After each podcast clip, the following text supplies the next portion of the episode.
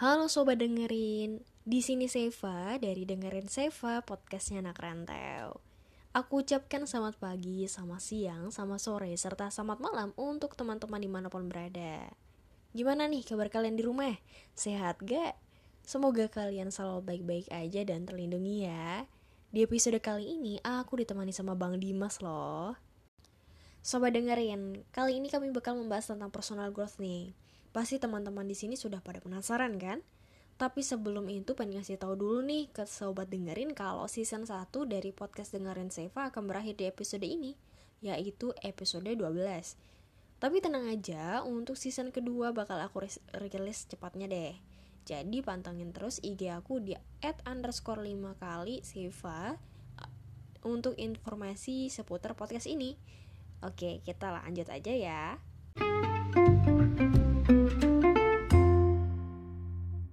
Halo Bang Dimas. Halo Seva, Assalamualaikum semuanya. Waalaikumsalam. Uh, Apa kabarnya nih? Alhamdulillah baik. Kalau Seva gimana nih? Alhamdulillah baik, masih semangat juga. Ya. Siap. Sekarang lagi sibuk apa nih Bang? Kebetulan sekarang lagi sibuk ngelola startup yaitu papon.id. Jadi memang lagi fokus di situ aja dulu sih. Selain itu ada lagi mungkin? Selain itu paling ini ngelatih beberapa UMKM di beberapa kampung wisata di Pontianak. Jadi kayak kan ada beberapa UMKM yang pas corona nih bingung mau ngapain karena semuanya serba digital kan. Nah, jadi Abang salah satunya di memfasilitasi teman-teman dari UMKM untuk belajar digital marketing gitu. Oke. Okay. Sebelum kita lanjut, Bang Dimas boleh perkenalkan diri dulu nih ke teman-teman. Oke. Okay. Halo semuanya, perkenalkan aku Dimas Apriandi. Aku sekarang founder dan CEO dari papon.id, sebuah usaha sosial untuk mempromosikan pariwisata dan produk lokal daerah di Indonesia melalui teknologi.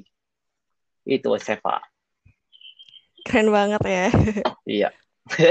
Makasih. Bang Dimas, kita kan bakal membahas tentang personal growth nih. Ya. Nah, pertama-tama, apa arti personal growth bagi abang pribadi dan seberapa penting hal ini? Jadi kalau personal growth itu sendiri sebenarnya kalau kita artikan ke bahasa Indonesia perkembangan diri. Tetap. Jadi bagaimana sebenarnya kita mengembangkan sesuatu tapi dalam skop personal kayak gitu. Jadi bagaimana kita bisa mengembangkan beberapa hal bisa seperti kayak bakat, self awareness, kemampuan, keterampilan dan lain-lain yang juga bahkan bisa meningkatkan kualitas hidup kita. Nah, jadi itu sih sebenarnya. Jadi memang dari dulu banget dari kuliah memang fokus bagaimana bisa ngembangin personal growth itu sendiri. Kalau untuk journey-nya sebenarnya panjang banget gitu. Jadi ada beberapa cerita juga yang belum pernah Abang jelasin tentang personal growth dari Abang itu sendiri karena uh, abang benar-benar ngedalamin dan mempelajari personal growth itu sendiri saat kuliah karena saat abang uh, kecil sampai SMA uh, eh, abang ini orang yang berbeda dari Dimas yang sekarang kayak gitu. Kalau keseharian Bang Dimas dalam meningkatkan diri itu baik personal dan profesional kayak kayak gimana? Oke. Okay. Seharian Bang Dimas. Siap. Kalau keseharian itu sendiri sebenarnya uh, lebih bagaimana mungkin rutinitas hidup ya habit. Nah kalau itu biasanya uh, mulai sekarang nih ya karena corona juga dan segala macamnya lebih apa ya konser dengan hal-hal yang pribadi. Karena kemarin juga pas awal-awal corona banyak melakukan refleksi diri. Jadi sekarang rutin banget untuk setiap harinya wajib olahraga minimal satu jam dan biasanya dua jam. Karena itu sangat meningkatkan mental health kita dan juga meningkatkan produktivitas dan juga setiap harinya itu ada jam kerja itu sendiri. Karena sebagai sebuah business owner kita nggak punya jadwal kerja gitu. Tapi ada pastinya misal jam segini sampai jam segini kita nggak boleh diganggu untuk kerja kayak gitu. Nah terus ada habit harus baca setiap harinya dan lain-lain seperti itu. Jadi hal-hal yang seperti itu walaupun kita banyak yang kita kerjain misalnya nih kita banyak kerjaan untuk achieve berapa apa ya keuntungan dalam bisnis segala macamnya tetapi jangan sampai lupakan ada beberapa hal penting yang seperti olahraga, baca buku, terus uh, meditasi dan segala macam seperti itu. Karena tidak menutup kemungkinan sebenarnya kalau kita tetap fokus kerja aja itu bakal affecting bad to our personal kayak gitu. Oke, okay. kalau tadi kan udah ngomongin habit. Ya. Kalau hal-hal yang mesti dihindari ketika sedang membangun personal growth diri kita apa tuh? Nah, sebenarnya Masih Bang Dimas. Oke. Okay. Nah, sebenarnya ada beberapa hal, tapi yang paling krusial adalah uh, maintaining the habit itself gitu. Karena pas kita udah tahu kita udah punya habit, biasanya di awal-awal kita tuh semangat banget loh untuk biar kita menjadi orang yang hidup sehat. Terus misal contoh kita mau menjadi orang yang uh, healthy lifestyle, tapi pas sudah satu bulan atau satu minggu ngerasa apa ya jenuh lagi terus tidak diulangi. Misalnya contoh mau makan sehat setiap harinya terus mau olahraga setiap harinya karena kita nggak konsisten itu bisa menghancurin semua rutinitas ataupun habit chainnya kita itu sendiri. Karena misalnya contoh kita udah ngeset Senin Rabu Jumat kita harus olahraga. Apa pun yang terjadi kita harus lakuin. Either itu kita undur satu jam atau dua jam kalau dari abang ini sendiri, abang tuh mesti nggak boleh memutuskan rantai itu gitu. Karena saat sekali kita melonggarkan aturan yang udah kita buat, kita bakal mudah ngelupain aturan-aturan lainnya. Contohnya nih, kita Senin, Rabu, Jumat, misalnya contoh pergi jogging, tapi pas Senin tiba-tiba males, terus banyak kerjaan segala macamnya. Nah, kita tinggalin nih hari Senin. Pas hari Rabu pasti uh, secara tidak sadar kita bakalan kayak oh nggak apa-apa deh kita miss lagi aja karena Senin juga udah di miss kayak gitu. Nah jadi karena satu kali kita miss kita bisa ngancurin semua habit kita kayak gitu. Oke, pastinya dalam peningkatan diri abang nggak langsung terjun kan? Ada taktik dan perencanaan yang abang persiapkan terlebih dahulu. Nah gimana cara bang Dimas membangun membuat personal growth plan? Apa aja yang mesti dipertimbangkan dan persiapkan nih Bang sebelum kita membuat personal growth plan tersebut? Oke, okay, nah kalau uh, rencana Abang untuk personal growth itu sendiri, sebenarnya kita di awal-awal harus self aware sih dengan apa yang harus kita tingkatin. Jadi di awal-awal itu Abang tuh di awal-awal organisasi ya pas kuliah. Jadi dulu tuh nggak tahu tentang diri Abang karena Abang nggak aware Abang jagonya apa, lemahnya apa segala macam dulu itu di awal diawali dengan ikut beberapa tes strength finder kayak gitu. Ada yang berbayar, ada yang gratis. Yang gratis itu biasanya ada top 5 strength, terus MBTI segala macam. Dan kemarin juga ambil yang berbayar kayak Gallup Strength Finder yang itu bayar kurang kayaknya udah lupa sekitar 10 dolar dan di situ kita tuh bisa nemuin diri kita sebenarnya kita itu jagonya di mana di, di mana kayak gitu. Jadi saat kita udah tahu kita jagonya di mana, kita bisa fokus gimana cara kita tingkatin strength kita gitu.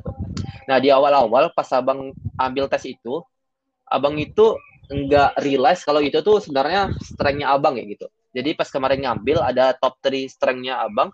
Yang pertama ideation. Jadi ternyata abang itu adalah orang-orang yang penuh dengan ide. Jadi apa pun yang abang lakukan tuh kalau nyari ide itu gampang banget kayak gitu. Tapi pas abang kuliah awal-awal nggak sadar tentang hal itu. Ya.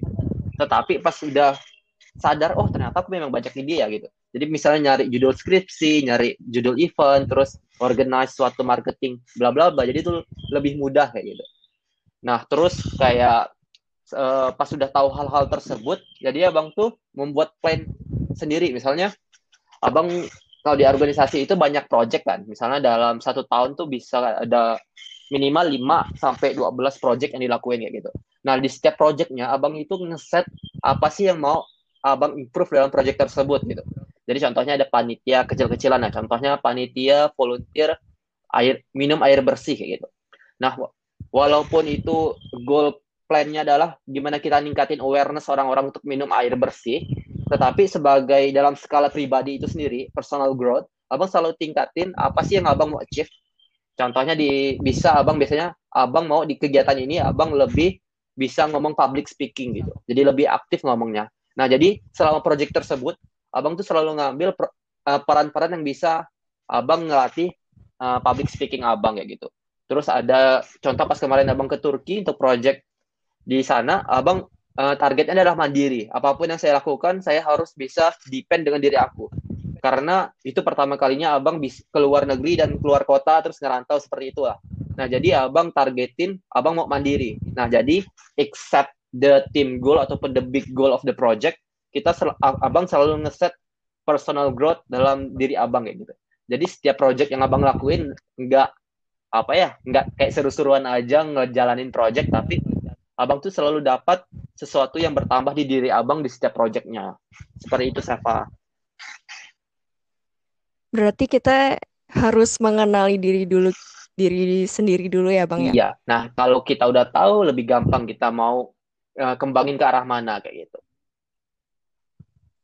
setelah kita membuat personal growth plan selanjutnya selangkah selanjutnya apa nih bang Oke, nah kalau kita udah nentuin personal growth growth plan itu sendiri, sebenarnya kita coba eksperimen sih sebenarnya. Jadi ada beberapa hal yang kita uh, ternyata kita udah assess nih, kita jagonya di sini, tapi kita harus coba terus nih dengan experience yang ada, dengan project-project ataupun dengan lakuin kegiatan ataupun kalian di professional experience kalian, apakah itu benar-benar yang menjadi strength-nya kalian ataupun weakness-nya kalian.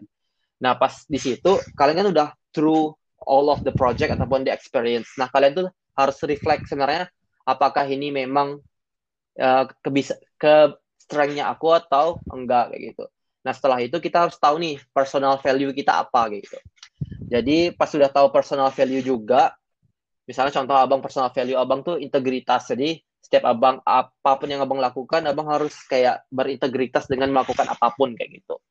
Nah, setelah kita udah reflect, selalu apa ya kalau abang tuh biasanya setiap malam ataupun setiap ada masalah gitu Wah, biasanya kan anak-anak kan overthinking segala macam ya abang juga gak pungkiri abang tuh mendapatkan hal-hal tersebut gitu tetapi enggak bakal lama dengan melakukan beberapa self talk dengan diri sendiri kayak gitu jadi sebenarnya apa yang salah dengan apa yang aku lakukan apa yang aku harus tingkatin kayak gitu jadi walaupun kita insecure segala macam itu wajar tetapi bagaimana kita improve ke depannya jadi step selanjutnya adalah through go through all of the experience itself gitu. Jadi kayak fail and win terus kayak gitu.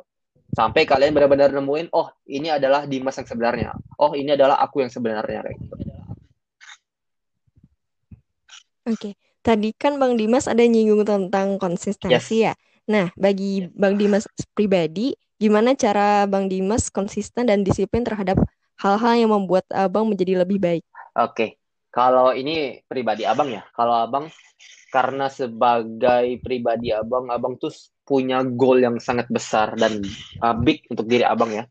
Jadi setiap abang uh, tidak melakukan hal tersebut, abang tuh membayangkan mimpi yang abang mau dapatin tuh hilang kayak gitu. Jadi kayak misalnya hari Senin aku harus baca buku at least satu satu halaman setiap harinya gitu. Dan saat aku miss hal tersebut, aku tuh punya apa ya menanamkan di diri aku kalau kamu nggak ngelakuin itu sekarang kamu nggak bakal achieve dream yang dream yang besar itu gimana kamu mengachieve yang besar tapi hal-hal kecil yang di hidup kamu kamu nggak bisa implementasi kayak gitu jadi don't dream big if you cannot do small things gitu itu sih siapa itu lebih kayak mindset di diri kita sendiri sih oke okay. Selain itu ada lagi mungkin? Kalau untuk konsistensi itu kan dari mindset. Nah, yang kedua kamu bisa ini sih bu, uh, track pakai aplikasi tracker. Jadi kan ada habit tracker tuh. Jadi awal-awal abang coba pakai itu uh, untuk nge-tracking di awal-awal nih. Apakah abang uh, ingat kadang kan kita sebagai manusia suka lupa nih sebenarnya habit kita harus ngapain aja. Jadi abang awal-awal pakai itu karena biar abang nggak lupa. Tapi sekarang karena habitnya udah terbentuk, jadi nggak perlu pakai pakai aplikasi udah inget sih apa yang harus aku lakuin setiap harinya sebenarnya tuh ada beberapa hal yang abang baca dari buku juga untuk ngebentuk habit kita jadi sebenarnya kalau kamu mau ngebuat sebuah habit ataupun kebiasaan karena kebiasaannya nggak dibentuk dalam satu bulan ataupun dua bulan kan bisa kayak tiga bulan kalau kalian konsisten konsisten melakukan hal tersebut dalam tiga bulan kalian itu secara nggak sadar bisa melakukan hal tersebut kayak gitu yang pertama adalah ngebuat hal tersebut tuh terlihat gitu. Yang kedua, membuat hal tersebut mudah dilakuin. Terus yang ketiga, membuat hal tersebut memuaskan dan membuat hal tersebut mudah. Nah, jadi kalau kalian bisa ngebuat hal tersebut seperti itu, kalian bisa melakukan halnya dengan mudah. Contohnya nih mudah terlihat. Contoh kalian uh, setiap harinya kalian harus tracking kalau kalian tuh harus minum air putih terus. Nah, gimana cu supaya habit itu terbentuk, coba kalian taruh air putih di tempat-tempat yang biasa kalian singgahi gitu. Contohnya kalian di samping tempat tidur kalian ataupun di depan meja kalian segala macam. Terus ngebuat hal tersebut tuh mudah gitu. Jadi pas kalian mau minum tuh nggak perlu nimba air dulu ataupun susah kayak gitu. Jadi kadang kan yang ngebuat hal-hal buruk hal-hal buruk itu dilakuin karena hal-hal tersebut tuh terlihat mudah, terlihat menarik, terus memuaskan. Nah, hal-hal kayak gitu kan ngebuat hal buruk tuh dilakuin orang-orang gitu. Contohnya nih kita minum makan junk food. Junk food kan ini kan mudah kan dicari kan. Misalnya kita di jalan ya iya. tinggal yeah. lewat aja gitu. Kan nggak ada yang jualan healthy food di mana-mana, tapi junk food di mana-mana. Terus ngebuatnya yeah, itu mudah didapetin. Nah, salah satunya mudah didapetin kan. Nggak perlu effort gitu. Kalau di sini di Pontianak kita kan agak ribet gitu nyari uh, healthy food gitu. Jadi lebih butuh effortnya kayak gitu dan memuaskan. Nah, pas kalian makan junk food kan kayak nikmat banget gitu kan. Tetapi pas kita makan healthy food, cuman salad sama roti, itu tuh kayak, aduh nggak ada rasanya gitu, nggak ada micin-micinnya gitu lah. Nah, itu sih salah satu yang pernah abang baca dari buku. Jadi setiap abang melakukan ataupun membentuk sebuah habit, abang ngebuat hal tersebut tuh menjadi seperti itu gitu. Jadi itu abang juga imply ke negatif habit sih. Contohnya nih, uh, abang nggak kalau kita nge-scrolling scrolling di Instagram kan bisa berjam-jam gitu kan ya. Padahal kita nggak apa-ngapain gitu. Bisa hmm. satu jam sampai dua jam gitu. Jadi abang itu pakai setiap harinya cuman boleh buka Instagram 30 menit. Jadi abang ada set kalau udah lewat 30 menit Instagram nggak boleh dibuka lagi, di lock gitu. Jadi hal-hal tersebut sih jadi susah dilakuin kan. Jadi kayak pas mau ngebuka lagi nggak bisa gitu. Terus itu sih, jadi salah satunya juga kalau kita mau menghentikan bad habit, kita juga bisa ngebuat itu tidak terlihat, ngebuat itu susah gitu, ngebuat tidak memuaskan gitu. Itu sih Seva.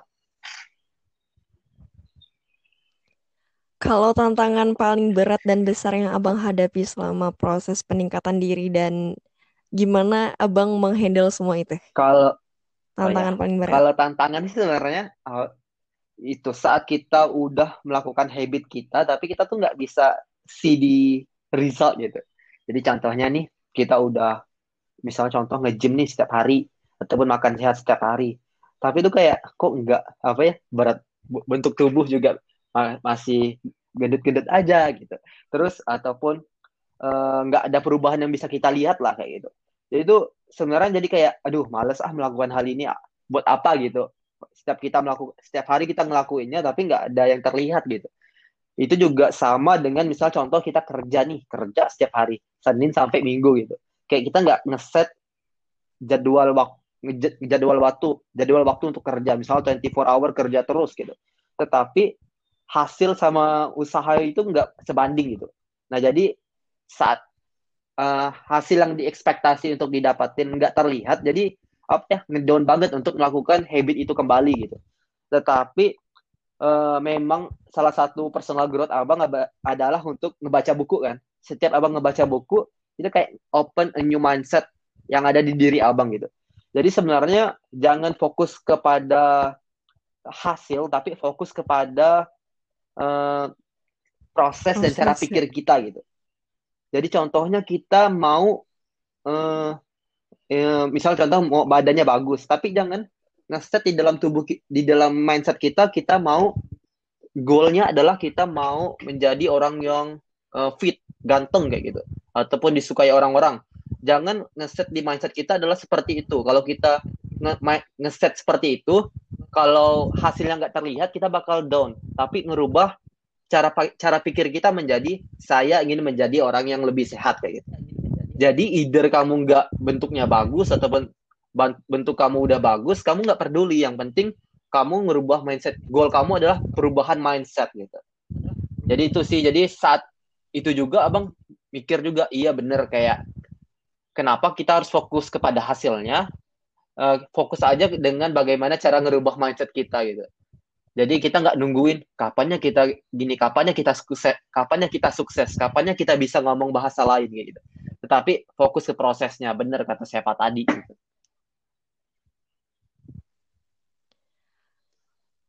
Kalau masalah atau halangan yang paling sering terjadi ketika seorang pemula ingin membangun personal growth-nya apa tuh, Bang? Mungkin pas abang Hmm, awal-awal oke. tuh.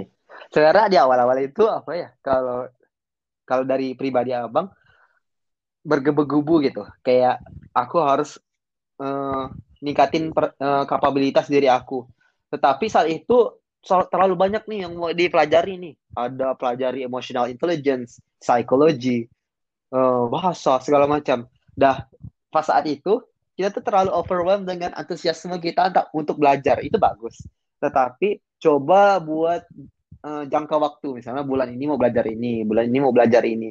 Karena kita terlalu banyak yang mau dikerjain, kita tuh nggak tahu mau fokus di mana gitu. Dan alih-alih kita bisa nge-achieve semuanya, malah kita nggak dapat semuanya gitu. Contohnya mau belajar Korea, mau belajar bahasa Jepang. Abang itu mau belajar semua, bahasa Turki. Terus belajar psikologi, bisnis, finance. Nah, kan eh, nggak mungkin, mungkin aja sih buat orang lain. Tapi buat abang dalam waktu yang bersamaan, nggak bisa bakal belajar itu semua gitu. Jadi harus dikasih jang- jangka waktunya gitu. Itu sih. Oke. Kalau suka duka dalam menjalani proses peningkatan diri versi Bang Dimas Oke. apa nih? Sukanya, sukanya tuh kalau abang adalah kayak kita tuh bisa ngelihat proses hidup kita sih. Jadi kayak kita tuh, oh pas mungkin dalam prosesnya kita tuh nggak kelihatan gitu apa yang berubah di diri di, di diri kita. Tapi pas orang lain ataupun kawan-kawan kita keluarga ataupun partner kita ngelihat kok Dimas sudah bisa gini sih? Kok udah ada yang berubah dari diri Dimas? Itu jadi kayak oh ternyata apa yang kita udah lakuin sehari-hari dalam daily life kita direcognize sama orang nih kayak gitu. Terus misalnya diundang sama Seva juga berarti abang udah direcognize sama Seva nih. Bisa meningkatkan personal growth abang gitu jadi eh, salah satu dari self awareness-nya abang sebenarnya abang itu driven by people gitu. Jadi bagaimana how people see me it uh, motivate me a lot gitu. Sebenarnya itu ada positif sama negatif ya gitu. Tapi sebagai sebagai sebuah pribadi kita gimana coba minimalisir negatif impact-nya aja sih kayak gitu. Jadi pas di recognize orang-orang terus dipuji dan segala macamnya kita nggak pungkiri manusia butuh hal itu gitu. Jadi itu suka banget sebenarnya.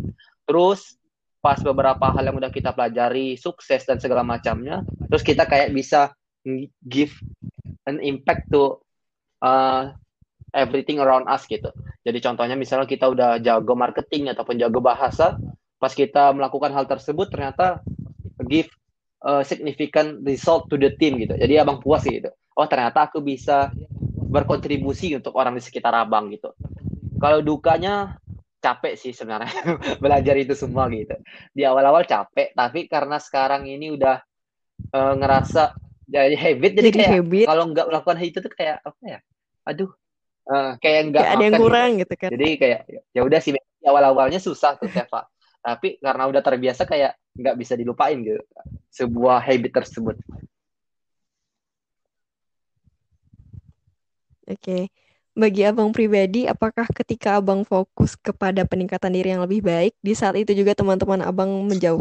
Kalau iya, gimana abang mengatasinya? Oke, ini memang sa salah satu yang biasa dialamin orang-orang ya, yang mungkin dibilang orang-orang Iya macam kayak gitu kan ya.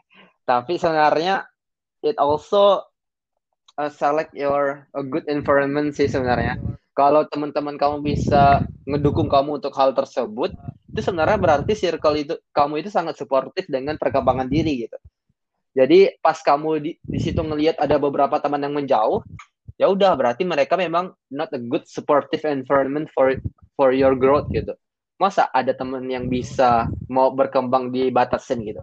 Tapi jangan sampai kita menjadi orang yang menjauhi mereka juga gitu. Jadi cukup uh, cukup tahu kalau kita mau melakukan personal growth dalam cukup intens, ya kita nggak bisa mingling sama mereka gitu. Tapi jangan putusin tali silaturahmi gitu. Tetap ngumpul sama mereka. Mungkin nggak seintens circle-circle yang mendukung hmm, personal growth-nya kamu gitu. Karena nggak menutup kemungkinan, nggak menutup uh, kemungkinan kalau orang-orang yang di sekitar kamu sangat mendukung personal growth-nya kamu gitu. Karena salah satu tips kamu untuk bisa berkembang adalah uh, surround yourself with a good environment gitu. Contohnya gitu, beberapa riset yang udah dilakukan di beberapa buku yang udah baca, kalau misalnya di satu geng kamu nih kita sebut geng ya, Nah, jadi misalnya ada lima orang nih, tiba-tiba ada satu orang yang melakukan rutinitas gym gitu. Pasti di at least dari lima tersebut ada yang terpengaruh nih untuk melakukan gymnya juga gitu. Jadi misalnya, misal contoh nih ada environment abang juga gitu. Abang sekarang udah mulai melakukan olahraga, terus makan sehat segala macamnya. Yang lain itu, walaupun di awal-awal itu kayak apa ya, diceng-cengin gitu. Tapi sekarang malah udah setelah tiga bulan abang melakukannya, malah dia yang minta ajarin ke abang, like gimana sih caranya memulai kayak gitu. Jadi nggak apa-apa, mungkin teman-teman yang di awal mungkin kayak denial dulu gitu. Tetap lakukannya. Pas kita udah dapat resultnya nih, misal contohnya, ya ternyata Dimas sudah uh, lebih bagus nih melakukan habit tersebut. Teman-teman kita nih nggak lihat, eh kok Terpengaruh. kayak gitu ya kayak gitu. Jadi sekarang nih udah mulai gitu. Kayak Dimas ajarin aku olahraga ini dong. Dimas gimana cara masak makanan yang sehat kayak gitu. Nah, coba aja dulu. Mungkin teman-teman yang kamu yang sekarang kayak apa ya, ceng-cengin kamu, nanti ke depannya bakalan minta ajarin sama kamu gitu. Oke, boleh. Kan ada lima kategori yang termasuk Ya. personal development ya, yaitu mental, sosial, spiritual, emosional, dan fisikal. Gimana caranya supaya kita bisa menyeimbangkan kelimanya sehingga mampu meng- mengakselerasi personal and professional growth kita secara efisien? Oke, memang eh, nggak menurut ini sih memang kelima sektor tersebut tuh sangat berpengaruh satu sama lain kayak gitu. Yang seperti eh, abang udah bilang kayak gitu. Kalau sebenarnya kita cuma fokus kepada personal growth-nya ini sendiri, misalnya contoh soft skill-nya kita gitu. Kita fokus gimana supaya skill marketing kita tuh jago banget gitu.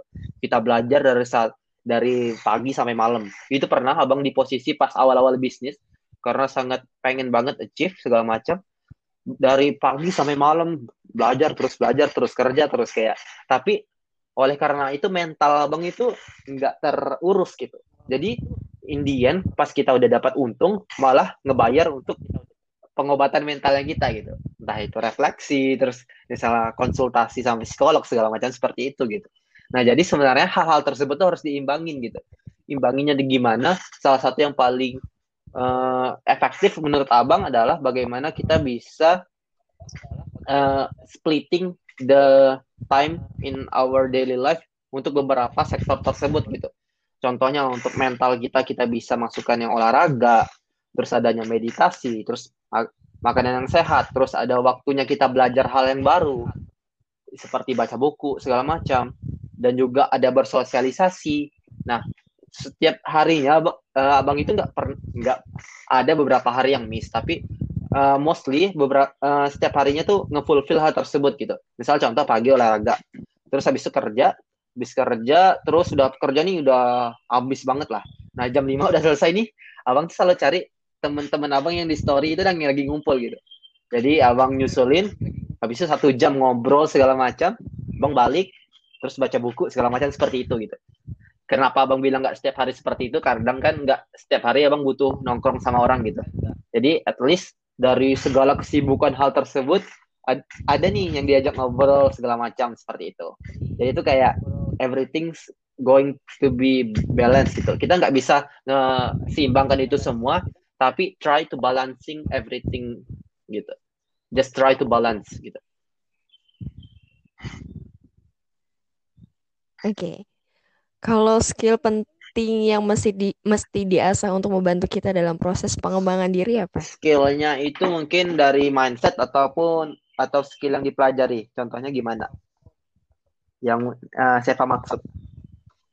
Skill, okay. skill yang nah, dipelajari. Kalau skill yang dipelajari itu sendiri sebenarnya uh, kalau dari abangnya itu sendiri time management skill sih. Jadi bagaimana kita bisa ngatur uh, waktu setiap harinya kita sesuai dengan schedule gitu. Jadi sebenarnya itu abang pelajari saat pas kuliah sih karena kemarin kan banyak sekali nge-manage beberapa project dalam satu waktu. Misalnya dalam satu waktu abang bisa supervise sama ngerjain lima project dalam satu waktu. Jadi itu sangat apa ya time consuming dan juga mental abang tuh di, sangat dipakai gitu. Dan di saat itu juga lah abang belajar bagaimana supaya setiap project itu berjalan dengan lancar. Jadi melakukan time management. Dengan beberapa experience itu juga abang sekarang bisa nge-manage time abang dengan uh, gampang kayak gitu. Itu sih karena kalau kalian udah bisa nge-manage time dengan baik everything is going to be alright gitu. Misalnya contohnya kamu udah bagus banget kalian udah bisa bangun jam 5 pagi jam 5 pagi kalian udah olahraga terus udah melakukan apa pun itu udah bagus kalau dari abang sendiri belum bisa olahraga subuh subuh gitu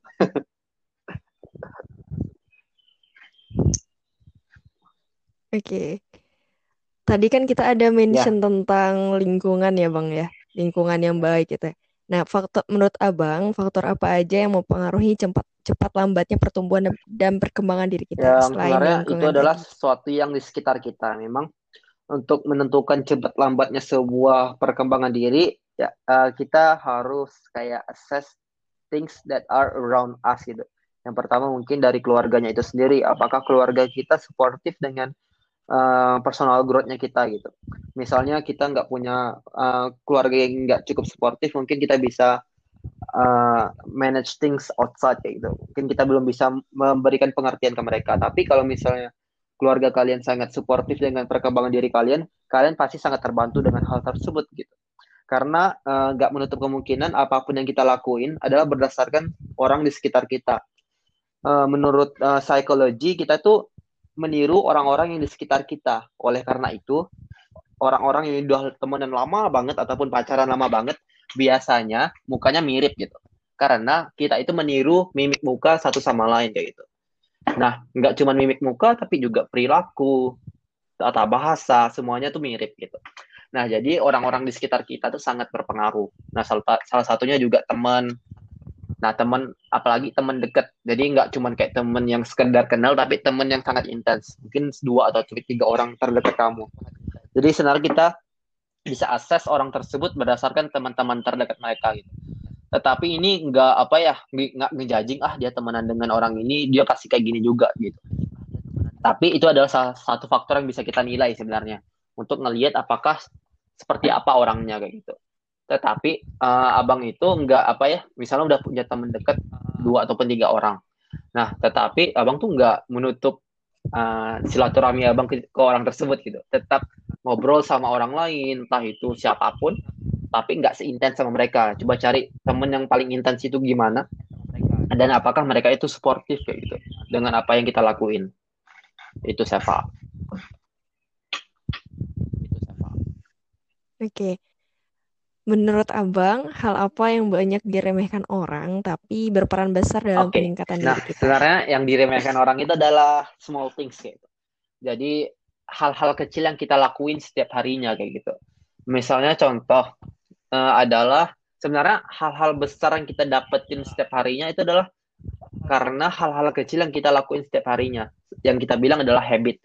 Contohnya adalah setiap harinya minimal minum 7 hari 7 air minum 7 gelas air putih kayak gitu.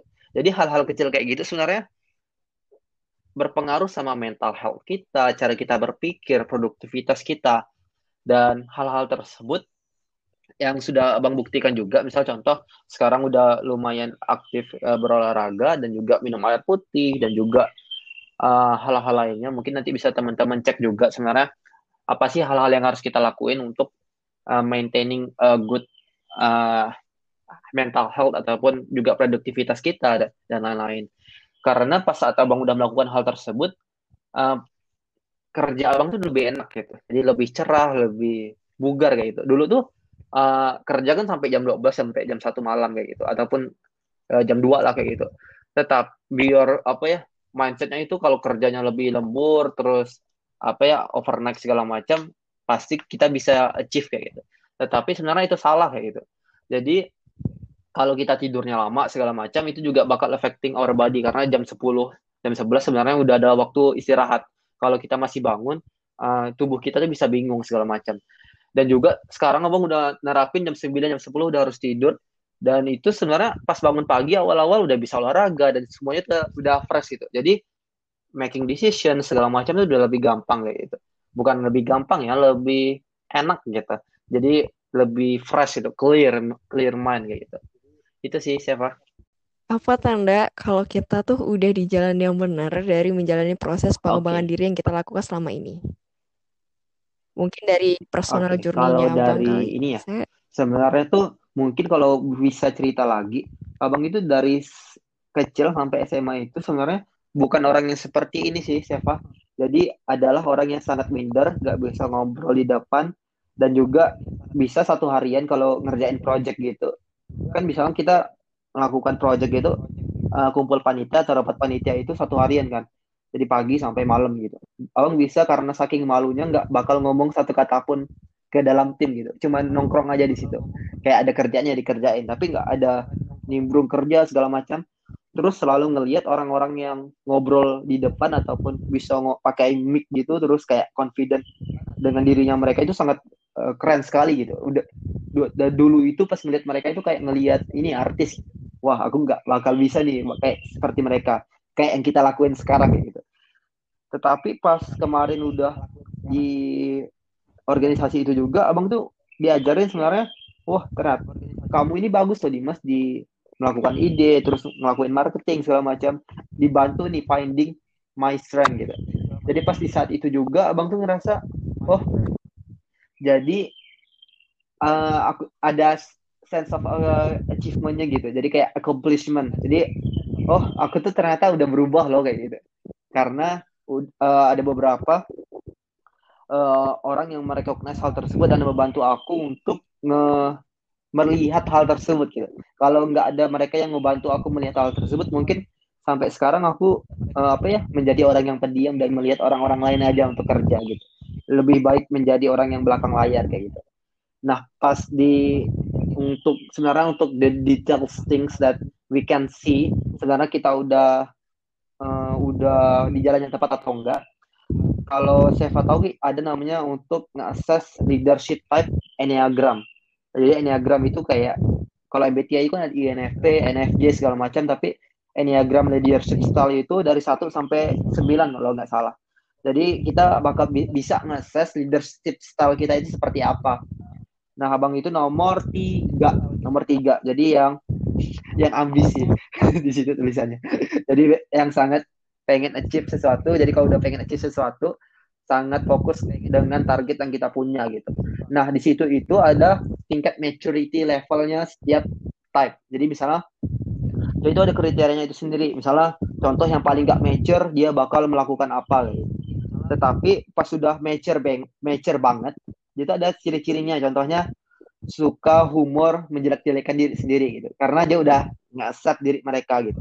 Contohnya kayak kalau bercandain tentang kelemahannya dia ataupun masa lalu dia segala macam, dia itu udah fun with it gitu udah menemukan piece-nya mereka gitu jadi dia udah gampang melakukan self deprecatory humor terus dia juga sangat detail dengan beberapa hal dan juga bisa mengerjakan target itu dengan sehat kayak gitu nah untuk detailnya sebenarnya kalian bisa uh, cek tes the enneagram leadership style terus kalian pasti itu kalian dapat nomor berapa dari 1 sampai 9 kalau nggak salah dan di situ ada tulisan nih maturity maturity level kalian gitu.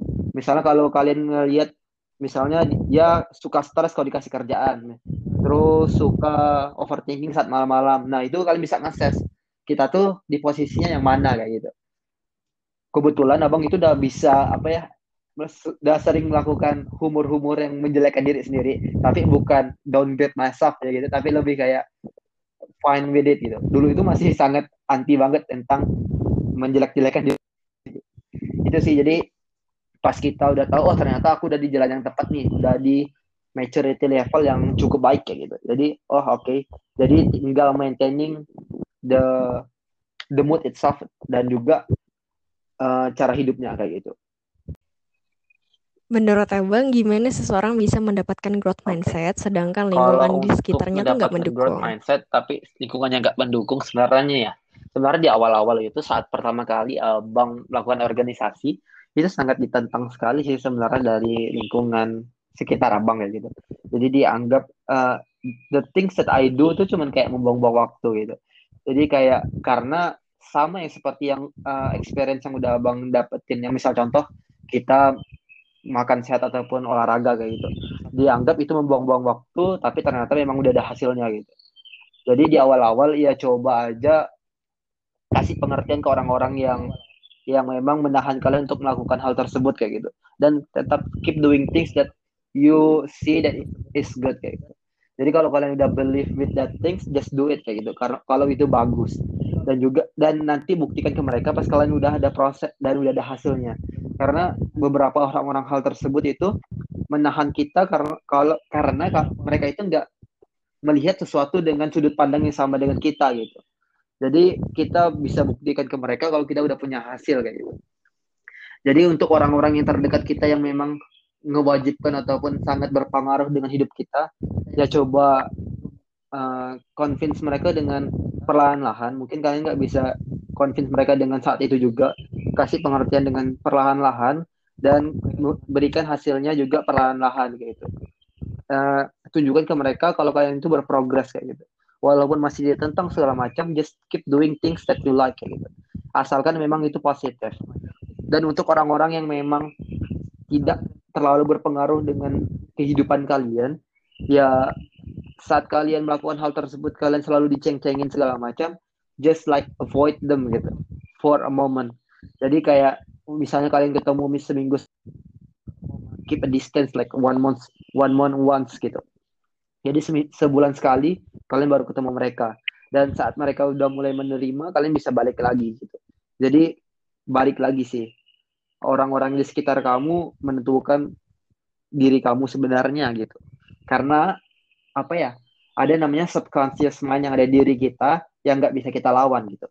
Jadi kalau kita ngerasa ah kita nggak bakal tertular kok ah kita nggak bakal menjadi jelek juga kok tapi di dalam tubuh kita sebagai sebuah manusia psikologinya kita bakal meniru orang-orang di sekitar kita gitu. Jadi eh, itu sangat berpengaruh. Kalau sangat intens ya. Makanya biasanya teman-teman deket ataupun pacaran orangnya gaya bahasanya sama, terus ketawanya sama. Kan sering banget kan Seva denger, ah kok kalian mirip sih kayaknya jodoh deh. Ya itu karena the process of mimicking each other gitu. Itu sih Seva. Menurut Abang, apakah sebaiknya kita berhenti untuk mencoba hal baru karena kita udah nyaman dengan passion kita dan apa yang kita kerjakan sekarang? Atau sebaiknya kita terus belajar hal-hal baru tapi kita tetap memegang value okay. yang kita Kalau punya dan passion kita adalah dan kenapa? Fokus kepada apa apa value kita gitu. Jadi kita udah punya value, misalnya contoh creativity. Sebenarnya nggak ada namanya berhenti belajar kayak gitu. Karena di dunia ini sangat banyak sekali yang bisa kita pelajari gitu. Kalau di satu hari punya lebih dari 24 jam abang sangat bersyukur kayak gitu. Karena kita sangat kekurangan waktu untuk belajar gitu. Abang itu kalau disuruh dipilih, abang bakal pilih sesuatu yang bakal bisa improve my creativity gitu. Jadi misalnya contoh creative thinking, terus juga bagaimana cara kita ngedirect sesuatu, terus bagaimana cara melakukan marketing dan segala macamnya fokus on that aspect aspek tapi kalian nggak menutup kemungkinan untuk belajar-belajar hal yang lain. Kenapa? Karena saat kita belajar hal-hal yang lain, kita tuh mendapatkan perspektif yang baru. Contohnya, misalnya sekarang nih cuman kita belajar marketing aja nih. Kita tahu sudut pandang marketing, kita doing things like how marketers do. Nah, tapi kita nggak tahu sebenarnya finance itu cara kerjanya gimana segala macam. Terus bagaimana caranya talent management bekerja dan segala macamnya kita nggak ngerti gitu. Dan itu bagus untuk kalian untuk belajar di dasar-dasarnya, nggak perlu sampai detail banget. Jadi kita tuh tahu sudut pandang orang lain itu seperti apa. Jadi kita pas melakukan decision ataupun actions, kita tuh bisa considerate with others gitu misal contoh kita melakukan marketing pengen banget uh, budget marketingnya satu miliar gitu. Karena kita pengen bisa dapetin uh, duit yang berlimpah. Tapi kita nggak melihat sisi dari finance itu sendiri gitu. Nah itu salah satu contoh kecilnya. Jadi dulu abang dulu abang itu belajar sampai belajar packaging produk itu gimana belajar pakai buku terus belajar finance terus belajar arsitektur terus sampai yang aneh-aneh itu juga pelajari gitu. Karena abang juga penasaran kayak sebenarnya proses mereka melakukan hal tersebut hal tersebut itu gimana. Dan saat abang udah oh ternyata cara ngebuatnya seperti itu ya itu kita bisa kayak connecting the, the dots gitu.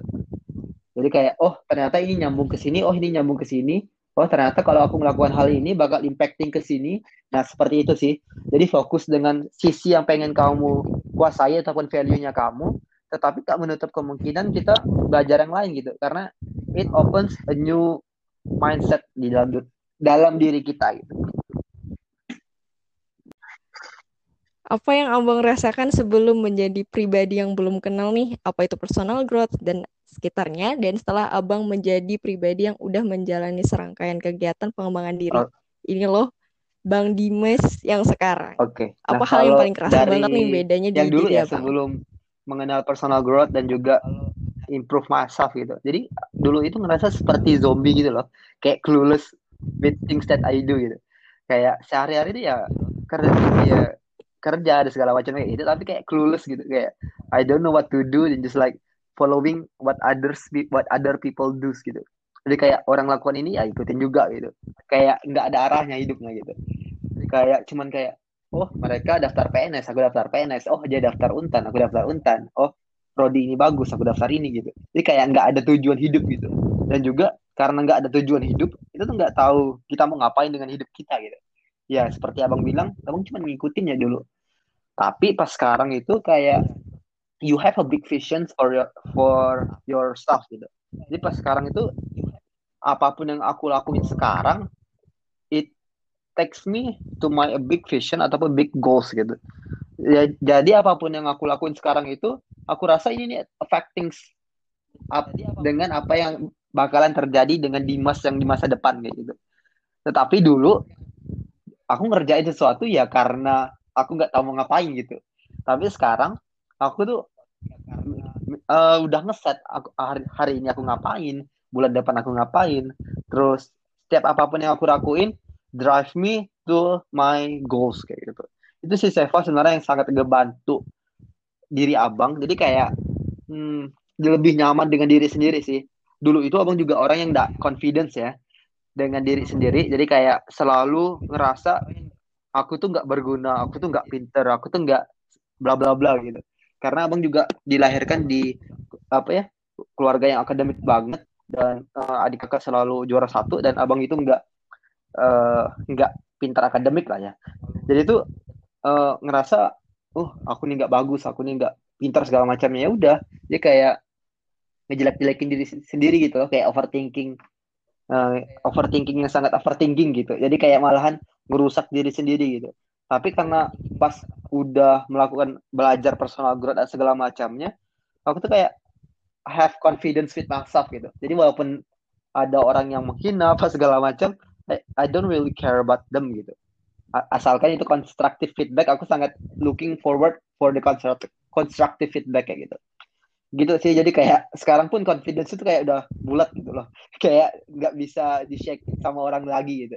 Karena dulu juga ya nggak menutup kemungkinan dulu pernah apa ya, ada namanya bullying apa segala macam dan juga dulu itu nggak berani take action gitu. Tapi sekarang menjadi yang udah belajar personal growth dan segala macamnya apa ya menjadi lebih nyaman dengan diri kita sendiri sih Seva. Jadi intinya tuh kayak nyaman banget dengan diri kita. Kayak kalau di next life kalau ada pilihan mau ditukar dengan siapa aku nggak pengen tukar dengan siapa-siapa gitu. Kayak gitu sih.